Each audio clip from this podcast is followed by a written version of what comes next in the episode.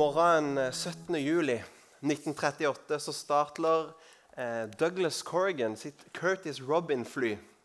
For det som skulle være en spektakulær langdistanseflyving fra New York til California. Og Douglas Corrigan han er en rutinert flyver. Han eh, er flymekaniker og har bygd flyet sjøl. Han hadde vært liksom en del av prosjektet til Charles Lindberg, som for elleve år tidligere jeg var første som fløy over Atlanteren. Og Nå vil han sjøl gjennomføre en sånn spektakulær flygning for å skrive seg inn i historiebøkene i den tidlige flyhistorie. Og Det var tåkete den morgenen i New York, og Corrigan han manøvrerte derfor etter kompasskurs, for han kunne ikke se helt hvor han skulle. Og Etter starten så leser han inn eh, kompasset feil. Og så I stedet for å fly vestover, som var planen, så tar flyet en østlig retning. Og I sin selvbiografi så skriver Corrigan at han over skyene ikke aner at han er på vei i helt feil retning, før han etter mange timers flytur lander eh, i området rundt Dublin, Irland. 8300 km borte fra det som var utgangspunktet hans destinasjon. Den 28. november 1979 så letter passasjerflyet Air New Zealand Flight 901 fra flyplassen i Auckland. Og Flyet har 257 passasjerer om bord som skal på en sightseeingflyving til Antarktis og tilbake. Og Piloten har lagt opp en rute som flyet skal ha, men ukjent for han så viser navigasjonsinstrumentene to grader feil. Og Det gjør at eh, flyet det får en litt annen retning og flyr 4,5 mil lenger øst enn det som var planlagt. Og Når da flyet nærmer seg Antarktis og skal liksom manøvreres ned i høyde for at man skal få et bedre blikk over landskapet, så kjører flyet rett inn i Mount Erbus, en aktiv vulkan, et stort fjell på nesten 4000 meters høyde. Alle de 257 passasjerene de omkommer. En enorm tragedie. En av de verste tragediene i flyhistorien. Eh, Forårsaka en bitte, bitte liten feil. To grader ut av kurs.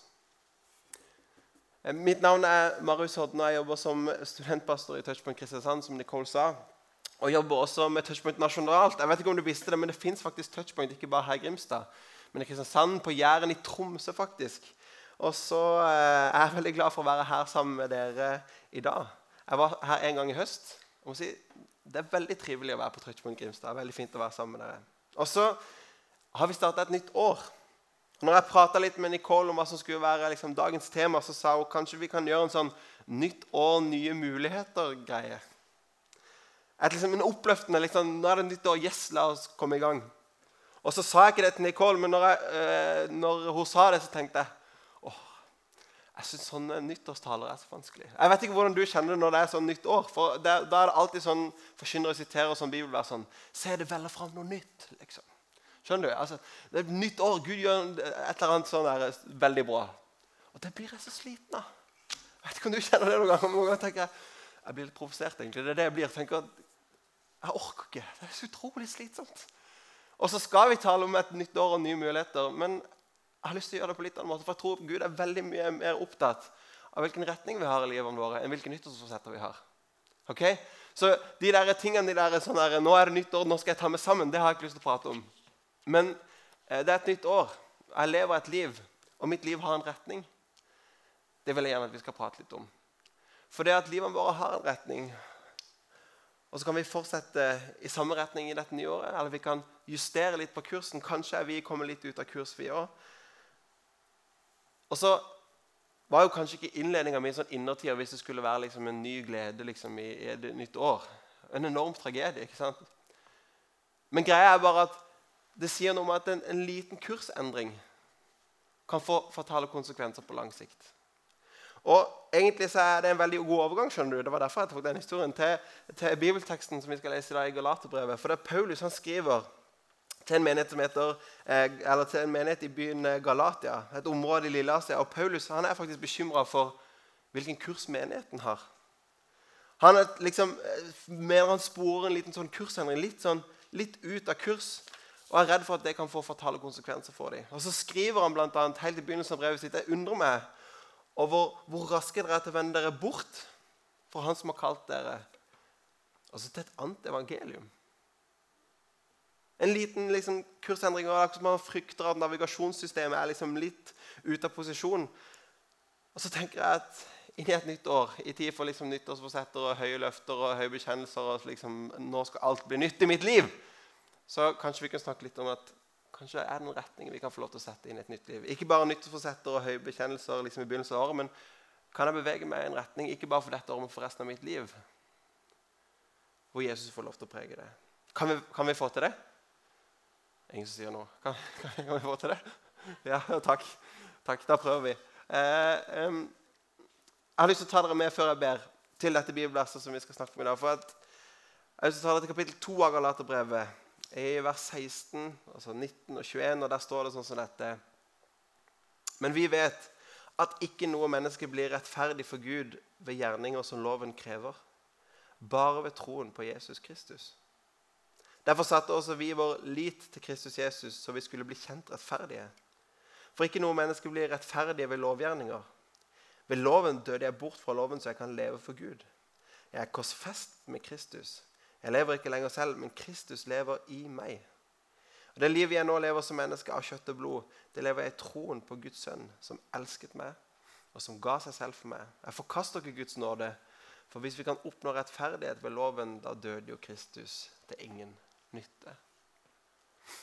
Kjære Jesus, takk for at når vi samles til touchpoint, så er det det vi samles om. Og det er det det handler om. Og så har jeg lyst til å be Jesus om at du må tale til oss gjennom ditt ord.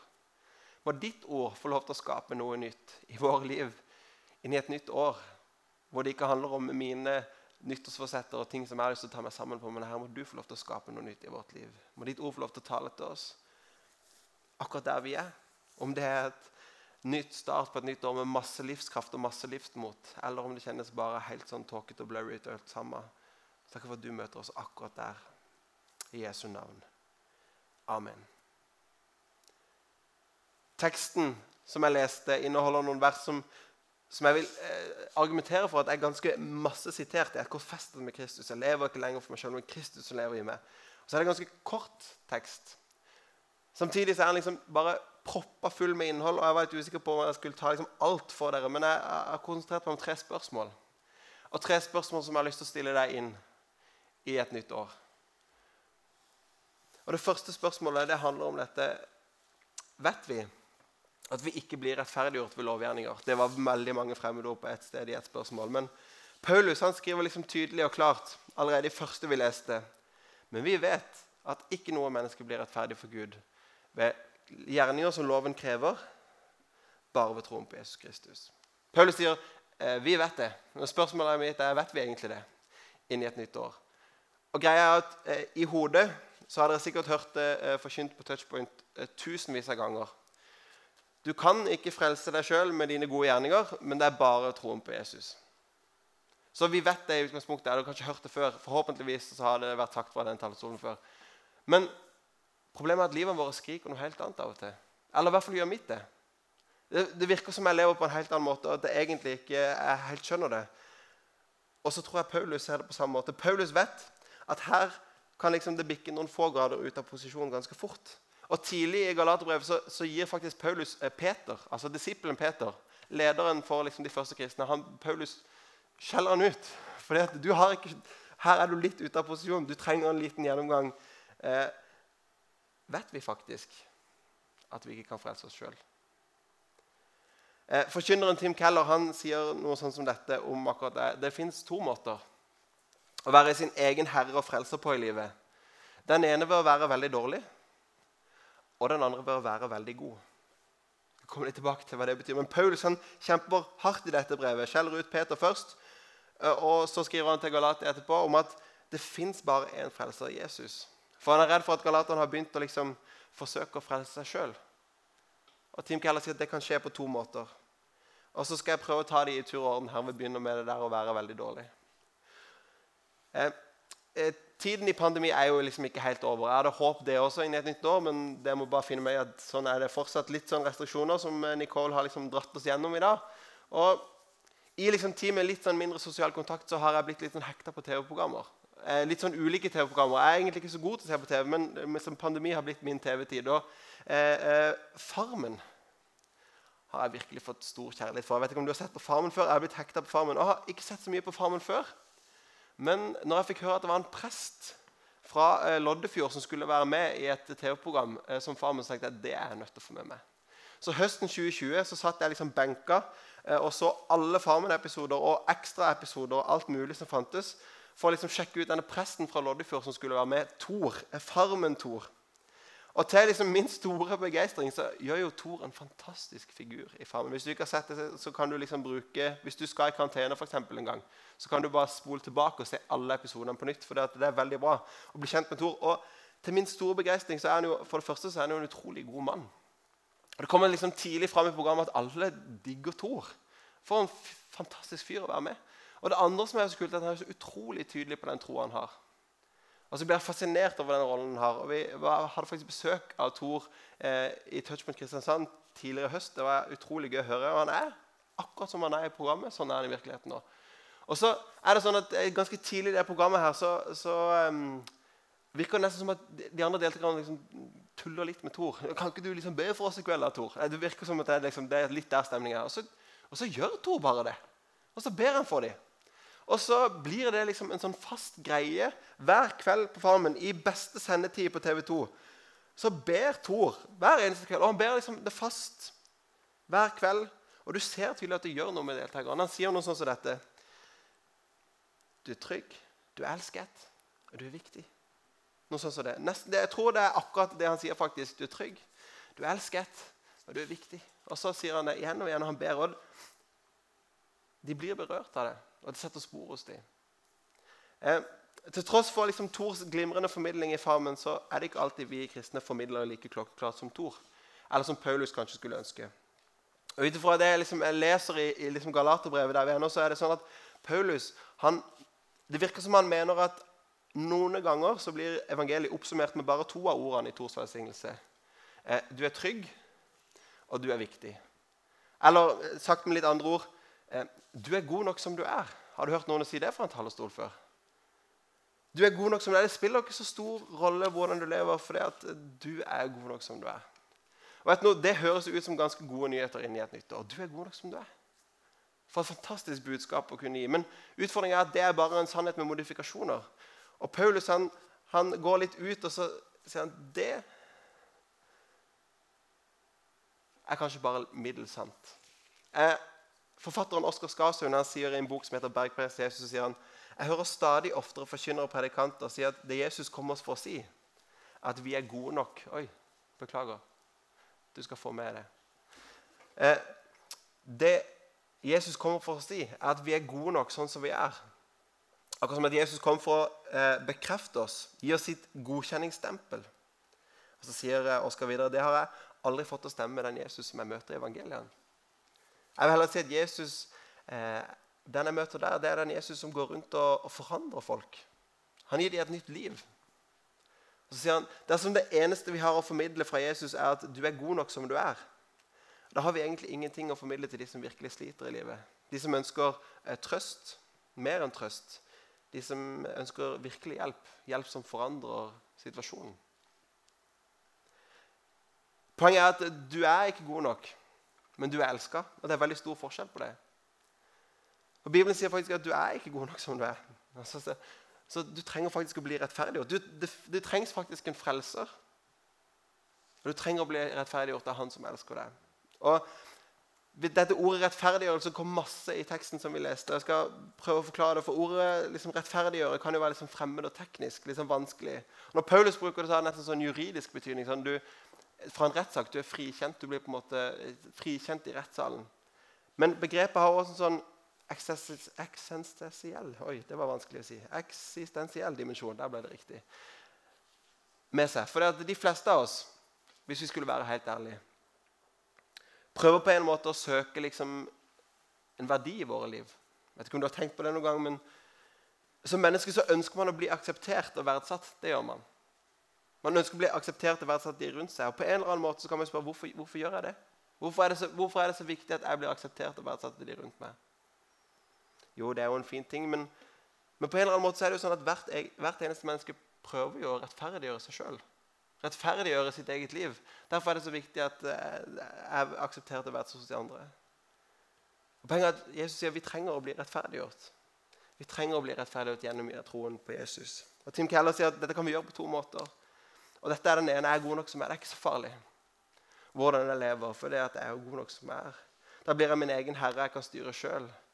Og så sier jeg heller at det fins en annen måte. Det er to måter å være sin egen herre og frelse på. Og Denne måten ved å være veldig god eksemplifiseres best gjennom den bortkomne sønnen i Lukas 15. Der finner vi en sønn som reiser bort fra sin far. Og så står det at han sløser bort formuen i et vilt liv. Så vender han hjem igjen. Men hjemme så fins det en bror som har vært der hele tida. Og når denne sønnen kommer hjem, og far tar imot sin bror, er broren, eh, så eh, arrangerer han en stor fest. Han bare innsetter sønnen igjen som sønn. Og så reagerer den eldste broren kraftig. Han reagerer med stort sinne. Og så eh, sier han noe sånn som dette. Her har jeg tjent deg i alle år. Aldri gjort imot dine bud. Men du har aldri lagd en fest for meg. Og Så kan du spørre hva er det han egentlig sier. Jo, det er akkurat som han tenker at Gud eller far skylder han noe i retur for alle de gode gjerningene sine. Akkurat som at hvis jeg gjør gode ting, så står liksom Gud i gjeld til meg. Og så er på en måte Gud min tjener. Akkurat sånn så kan man bli sin egen herre og frelser i livet. Og festen og gleden i Bibelen det er jo ofte liksom eh, et bilde på frelsen. Og i denne fortellinga blir storebroren stående utenfor. I denne kulturen på Jesus tid så var det liksom vanlig at eh, eldstebroren han skulle egentlig vært ute og lete etter lillebroren sin. Han har ført han hjem igjen. Men istedenfor blir han stående utenfor fordi han har tenkt at han gjør seg sjøl så selvgod at jeg hadde fortjent. Jeg har tjent deg i alle år. Jeg vil ikke være med inn på den festen engang. Og så blir han plassert utenfor sjøl. Fordi han tenkte jeg fikser det sjøl. Jeg frelser meg sjøl. Det er to måter å være sin egen herre frelser på i livet. Det er ikke så nøye. Du er god nok som du er. Eller eh, jeg presterer om jeg gjør meg fortjent til. Paulus han eh, sier at vi trenger en frelser. Det var det første spørsmålet jeg har lyst til å ta med. Og det neste er dette vet vi at vi er korsfesta med Kristus. Det er sikkert ikke en sånn bevissthet du går rundt med liksom hele tida. at jeg er korsfesta med Kristus. Det er jo liksom vanskelig språk. Men Paulus han ser ut og liksom tenker at dette var en helt sånn integrert del av hvem han var og hans identitet. Er korsfesta med Kristus. Og Å være korsfesta høres jo ikke ut som en sånn veldig sånn positiv ting sånn i utgangspunktet. Eh, men for Paulus så virker det som dette er de beste nyhetene i verden. Jeg er korsfesta med Kristus. Og Det er nemlig sånn at det å være korsfesta med Kristus det er faktisk enorm frihet i det, hvis du skjønner hva det betyr. Eh, parkeringsbøter det er kanskje noe av det verste jeg vet. Eh, jeg vet ikke om du syns det er irriterende med en sånn gul lapp i ruta, men jeg syns det er veldig provoserende. Og Sist jeg fikk en parkeringsbot, da sto jeg eh, i parkeringshuset på Sandens i Kristiansand sentrum, hvor parkeringa mi gikk ut klokka 21.00. Og Jeg var der akkurat tre minutter etter tida, men da hadde de, de snille parkeringsvaktene allerede begynt å printe ut den der gule lappen, og da kan de visst ikke ta den tilbake. Eh, det lærte jeg da. Eh, jeg kom jo ned dit og hadde veldig lyst til å liksom, eh, gjør som en pastor ikke skal gjøre, og bare liksom gi de det glatte lag, men i stedet så sa jeg du er elsket, du er verdifull. Og det, nei, jeg gjorde ikke det, men jeg hadde veldig lyst til det. Eh, men jeg var litt provosert. Jeg fikk testa meg litt. Eh, og så kan du spørre hva har dette med parkeringsbøter å gjøre med å være korsfesta med Kristus. Men hvis du er med meg bitte grann nå, så skal jeg tegne opp et bilde. For se for deg at de parkeringsbøtene skulle gi meg den gullappen. Og så kan jeg svare sånn som dette. Nei, du, de kan si sånn. Eier du denne bilen? Er du Marius Hodne? Liksom, vær så god. Nei, du Marius Hodne. Han er død, han. Hæ? Han er død. Du kan ikke komme med den gule lappen her. Marius han døde en gang tidlig på 2000-tallet, så han, du får ikke gitt han noe bot, dessverre. Det går ikke. Og Da vil jo de bli litt sjokkert. Men egentlig er det sånn det funker. da. Altså, Vær med meg på den her, fordi at eh, Jesus døde for meg. Og når jeg tok imot Jesus, så døde jeg sammen med Jesus. Korsfesta med Kristus. Liksom Loven krav den gjelder ikke meg lenger. Kan du tenke noe så deilig hvis du er med på det bildet? Altså, Alle de anklagene som kommer, de er liksom døde jeg bort fra. Paulus skrev det jo også ved, ved loven døde jeg bort fra loven, så at jeg kunne leve for Gud. Altså, Det nytter ikke å komme noe krav hit. Derfor jeg døde jeg den gangen jeg tok imot Jesus, for du kan ikke komme med den bota her. Det nytter ikke, Du finner ikke noen som kan betale for den. For Marius han er ikke her lenger, han.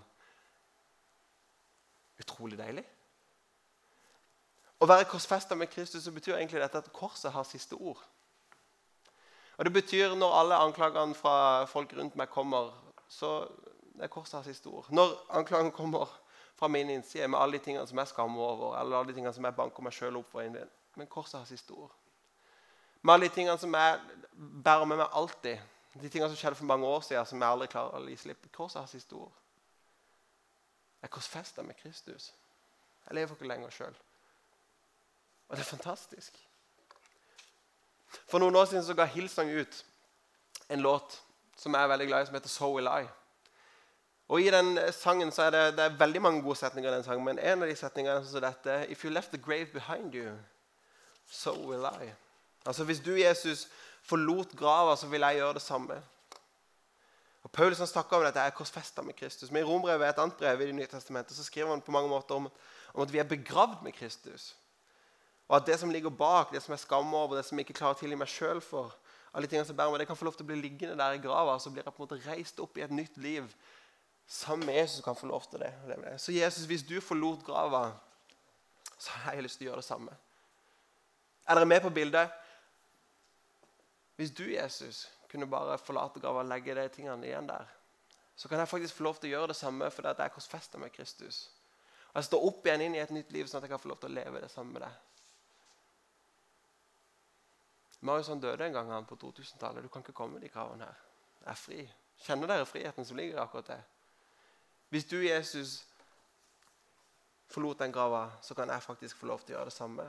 Stå på et nytt liv sammen med deg. Og Da kommer jeg til det tredje spørsmålet jeg har til dere. Det er vet du hvilket liv du lever? Inn i et nytt år, vet du hvilket liv du har lyst til å leve? Paulus han, han skrev jeg korsfesta med Kristus. Jeg lever ikke lenger sjøl, men det er Kristus som lever i meg. Og Det livet jeg nå lever som menneske av kjøtt og blod, det lever jeg i troen på Guds sønn, som elsker meg, og som ga seg selv for meg. Paulus han visste hvilket liv han levde. Han var korsfesta med Kristus. Han skrev jeg lever ikke lenger sjøl. Og Det der med ikke lenger leve sjøl kan jeg kjenne meg godt igjen i. For det at jeg gifta meg for fem år siden. Så når jeg spør, eller gutta spør meg om liksom, Marius, skal du være med og spille squash i morgen, så må jeg si jeg må bare høre med Marte først. Eller når, sier, når jeg kommer hjem og sier Marte, det er fotballkamp i kveld, så sier hun åh, men i dag skulle jo vi se på Jakten på kjærligheten. ikke sant? Eller hvis jeg sier å, jeg har sykt lyst på pizza, i kveld, så kan man si men det, vi skal ha vegetar-wraps i dag. Marius. Jeg lever ikke lenger sjøl. Eh, og selv om vi kan le litt av det, så er Paulus liksom, han er helt alvorlig. På en eller annen måte har Paulus fått en annen herre i sitt liv. Det er Kristus som er herre i mitt liv. Jeg lever ikke lenger sjøl. Det er han som setter retninga. Det er han som styrer meg, det er han som former meg, og det er han jeg følger. Og så er ikke det noen sånn svevende greier heller. når vi leter. Hva det Paulus skriver? Altså, Det livet jeg nå lever som menneske, i kjøtt og blod. Altså med andre ord, Det jeg lever her og nå, det livet jeg lever, mitt liv, ditt liv, på jobb, på studie, hvor enn du er, det livet jeg nå lever, det lever jeg i troen på Guds sønn. Han som skal få prege meg, han som elsker meg. Han som elsker meg, han som ga sitt liv for meg, han skal få lov til å prege det. Og Dette med ekteskap er jo egentlig et veldig godt bilde, for, for jeg kan av og til føle at jeg ikke lenger lever sjøl. Men sannheten er at jeg ville jo aldri valgt noe annet. Ikke sant? Jeg lever ikke lenger sjøl, og noen ganger kjenner jeg det på kroppen. Men jeg ville jo aldri valgt noe annet. Jeg vet at det er det livet jeg har lyst til å leve. Og Sånn er det med Jesus iblant. Jeg har noen som setter en retning for mitt liv. Jeg har noen som ønsker skal få lov til å prege mitt liv. Og så vet jeg òg at jeg ville aldri valgt noe annet. Ofte kan man tenke at dette livet med Jesus det handler jo om å skjerpe seg. Sånn som jeg kjenner når noen har sånn nyttårstale. Tenker Nå liksom, nå kommer liksom et nytt år. Yes, nå skal jeg løpe en mil og be fem timer om dagen. og så pff, det blir dritbra. Og så kjenner jeg at det er utrolig slitsomt. Det er ikke sånn det funker. Det handler ikke om å ta meg sammen, det handler ikke om å skjerpe meg. Men det handler faktisk om at jeg er korsfesta med Kristus. Jeg lever ikke lenger sjøl, men det er han som lever i meg. Han som ga alt for meg, han som elsker meg, han som ga sitt liv for meg, han kan jeg få lov til å gi tilbake til. Det er det det handler om. Han som ga alt for meg, han kan jeg få lov til å gi tilbake til. Jeg lever ikke lenger sjøl. Men jeg ville aldri valgt noe annet. For jeg lever for han som elsker meg og ga seg sjøl for meg. Og Hvordan ser det ut, da? Leve et liv hvor liksom Kristus lever i meg? Jo, det kan se forskjellig ut. Kanskje, kanskje er det et liv hvor du prioriterer litt annerledes enn hvordan andre prioriterer. Kanskje det er et liv hvor jag liksom etter status og studie og jobb og penger Kanskje ikke det er det viktigste. Kanskje det betyr det at du behandler liksom medstudenter og kolleger litt annerledes enn hvordan andre gjør det. Kanskje tar du noen valg som noen andre syns liksom er liksom gammeldags og rart. Når lever du for Jesus? Jo, kanskje er det når du gjør liksom touchpoint og menighet til en prioritet. Du engasjerer deg i et fellesskap, du engasjerer deg i tjenester du gir. Og du deler troa videre med de som lurer. Jo, fordi at du vet at det er det beste du kan gi dem. Farmen Tor, presten fra, fra Loddefjord, har nekta å ta imot en bolle på markedet på fellesskapets regning i Farmen. Og når, jeg, når jeg, de andre pusha på liksom, jo, ta en bolle. Nei, men han skulle ikke ta noe fra fellesskapets penger. De andre ville snike unna og spise boller sjøl, men det ville han ikke være med på. Og først tenkte jeg, Det er jo utrolig kult. Det er jo ingen andre som gjør sånn på Farmen. Alle tar jo bare til seg det. Det er jo håpløst å se på Farmen, egentlig. Men, men Tor han bare liksom, det skal ikke jeg være med på. Utrolig kult. Men så tenkte jeg litt mer. Tenkte, det er jo ikke rart i det hele tatt. Han er jo korsfesta med Kristus. Han lever jo ikke lenger sjøl. Kristus lever i han. Når Paulus skal liksom formane og utfordre menigheten til å liksom leve et hellig liv, så gjør han det alltid på samme måte. Han sier f.eks.: Kristus har hellighet dere. Lev da et hellig liv. Eller som han sier liksom i Kolosserbrevet Hvis jeg klarer å komme dit to, én for langt, kommer jeg en tilbake. Perfekt. Han skriver er dere oppstått med Kristus, og så søk da som er, det som er der oppe. Og så Paulus sier det på samme måte. Han sier egentlig eh, lev det du allerede er. Er du med på den? Lev det du allerede er. altså Du er fri. Så lev da i den friheten. Og Du er elska av Gud, så lev da i den kjærligheten. Du er helliggjort Gud. Lev da et hellig liv. Du skal ikke skjerpe deg, du skal ikke ta deg sammen i et nytt liv, men du skal få lov til å leve det du allerede er. Ta imot. Du er korsfesta med Kristus. Du lever ikke lenger sjøl, men det er en som lever i deg. Du trenger ikke å prestere, du trenger ikke å få det til. Men du kan legge grava bak deg. Alt det som du vil liksom la liggende der, det kan få lov til å bli liggende der. Så kan du få lov til å reise deg opp i et nytt liv. Og så kan du sette en retning. Med en ny herre og en frelser. Og så vet du at av og til kjennes det ut som jeg ikke lenger lever sjøl, men, men, jeg ville faktisk aldri vant noe annet, for jeg lever i fellesskap med han som elsker meg, og som ga seg sjøl for meg. Jeg ville aldri valgt noe annet. Og jeg velger han hvorfor. Jo, det er helt enkelt. Det var han som valgte meg først. Og så får jeg lov til å leve i akkurat det. Jeg vet ikke hvordan dette lander hos deg, men um, jeg har lyst til å utfordre på dette. Hvilken retning setter vi inn i et nytt år? Kanskje kjenner du at eh, du har masse livskraft inn i et nytt år. og tenker at Du går på med enormt pågangsmot og positivitet og tenker at dette blir mitt år. Boom, det blir dritbra. Eller så er du sånn som meg og blir liksom veldig provosert når folk skal liksom tenke at yes, det er et nytt år. Se, jeg gjør noe nytt. Kanskje kjenner du at det egentlig, hvis du skal være helt ærlig, så er det litt sånn tåkete og håpløst alt sammen akkurat nå. inn i et nytt år. Jeg vet ikke hvordan du kjenner det, men det jeg vet, er at det fins en Gud som vet akkurat hvordan du har det. Og det fins en Gud som er beredt til å møte deg akkurat der du er. Og så var det disse tankene jeg hadde lyst til å ta med dere inn i et nytt år. Kanskje kan dette nye året være det året hvor, hvor, Jesus igjen får lov til å være din herre og frelser. Ikke deg sjøl. Hvor du tenker at liksom, du, det er ikke så viktig eller spiller ikke noen rolle. Eller hvor du tenker hvor du prøver å prestere deg sjøl til et eller annet. Kanskje kan Jesus bare få lov til å ta den plassen. Kanskje kan det være året hvor du, liksom, du, du faktisk blir en integrert del av hvem du er, at korset har siste ord. Det nytter ikke lenger å komme med den gule lappen her. For det fins en som døde for meg. Kanskje kan det være året hvor du, hvor du lar noen ting ligge i grava og som står opp i et nytt liv sammen med Jesus. Kanskje kan det være et år hvor du sier at vet du hva, jeg lever ikke lenger sjøl. Men jeg har en ny herre og en ny frelser. Og jeg ville faktisk aldri valgt noe annet, for jeg lever i fellesskap med han som elsker meg og ga seg selv for meg. Han som valgte meg først. Jeg avslutter med å be. Herre Jesus, jeg har lyst til å takke deg for at eh, du er den som elsker oss, som gir deg sjøl for oss. Jeg har lyst til å takke deg for at det du kom med, det var ikke noe billig greier om at vi skulle fikse det sjøl, ta oss sammen Men du forvandler våre liv, Jesus. Jeg takker deg for det. Takker deg for at det faktisk er sånn at uh, hvis du forlot grava, Gud, så kan vi få lov til å gjøre det samme. Vi kan få lov til å la det ligge der, og så kan vi stå opp i et nytt liv sammen med deg. Takk for at du setter en retning for våre liv. Vi kan få lov til at du med all den kjærlighet og godhet du har, får lov til å prege livene våre.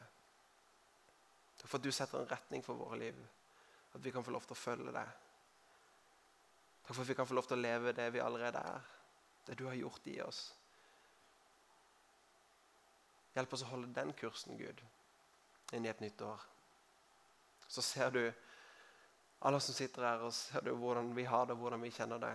Om vi er full av livskraft og livsmot inn i et nytt år, eller kjenner at egentlig så er det ganske tungt akkurat nå. Herre, takk for at du er en Gud som ser, og som ser akkurat hvordan vi har det. Jeg ber Herre om at du må møte oss akkurat der. I Jesu navn. Amen.